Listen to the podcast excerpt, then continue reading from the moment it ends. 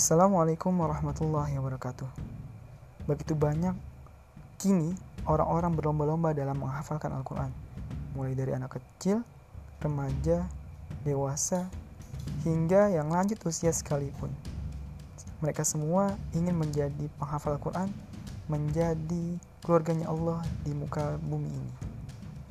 Maka ini adalah proses yang baik, proses yang penuh keberkahan, yaitu proses dalam menghafalkan Al-Quran. Podcast ini berisikan cerita, sharing, atau mungkin keluh kesah dari mahasiswa-mahasiswa penghafal Al-Quran yang ada di suatu program Tafi Smart Indonesia Quran Foundation. Assalamualaikum warahmatullahi wabarakatuh.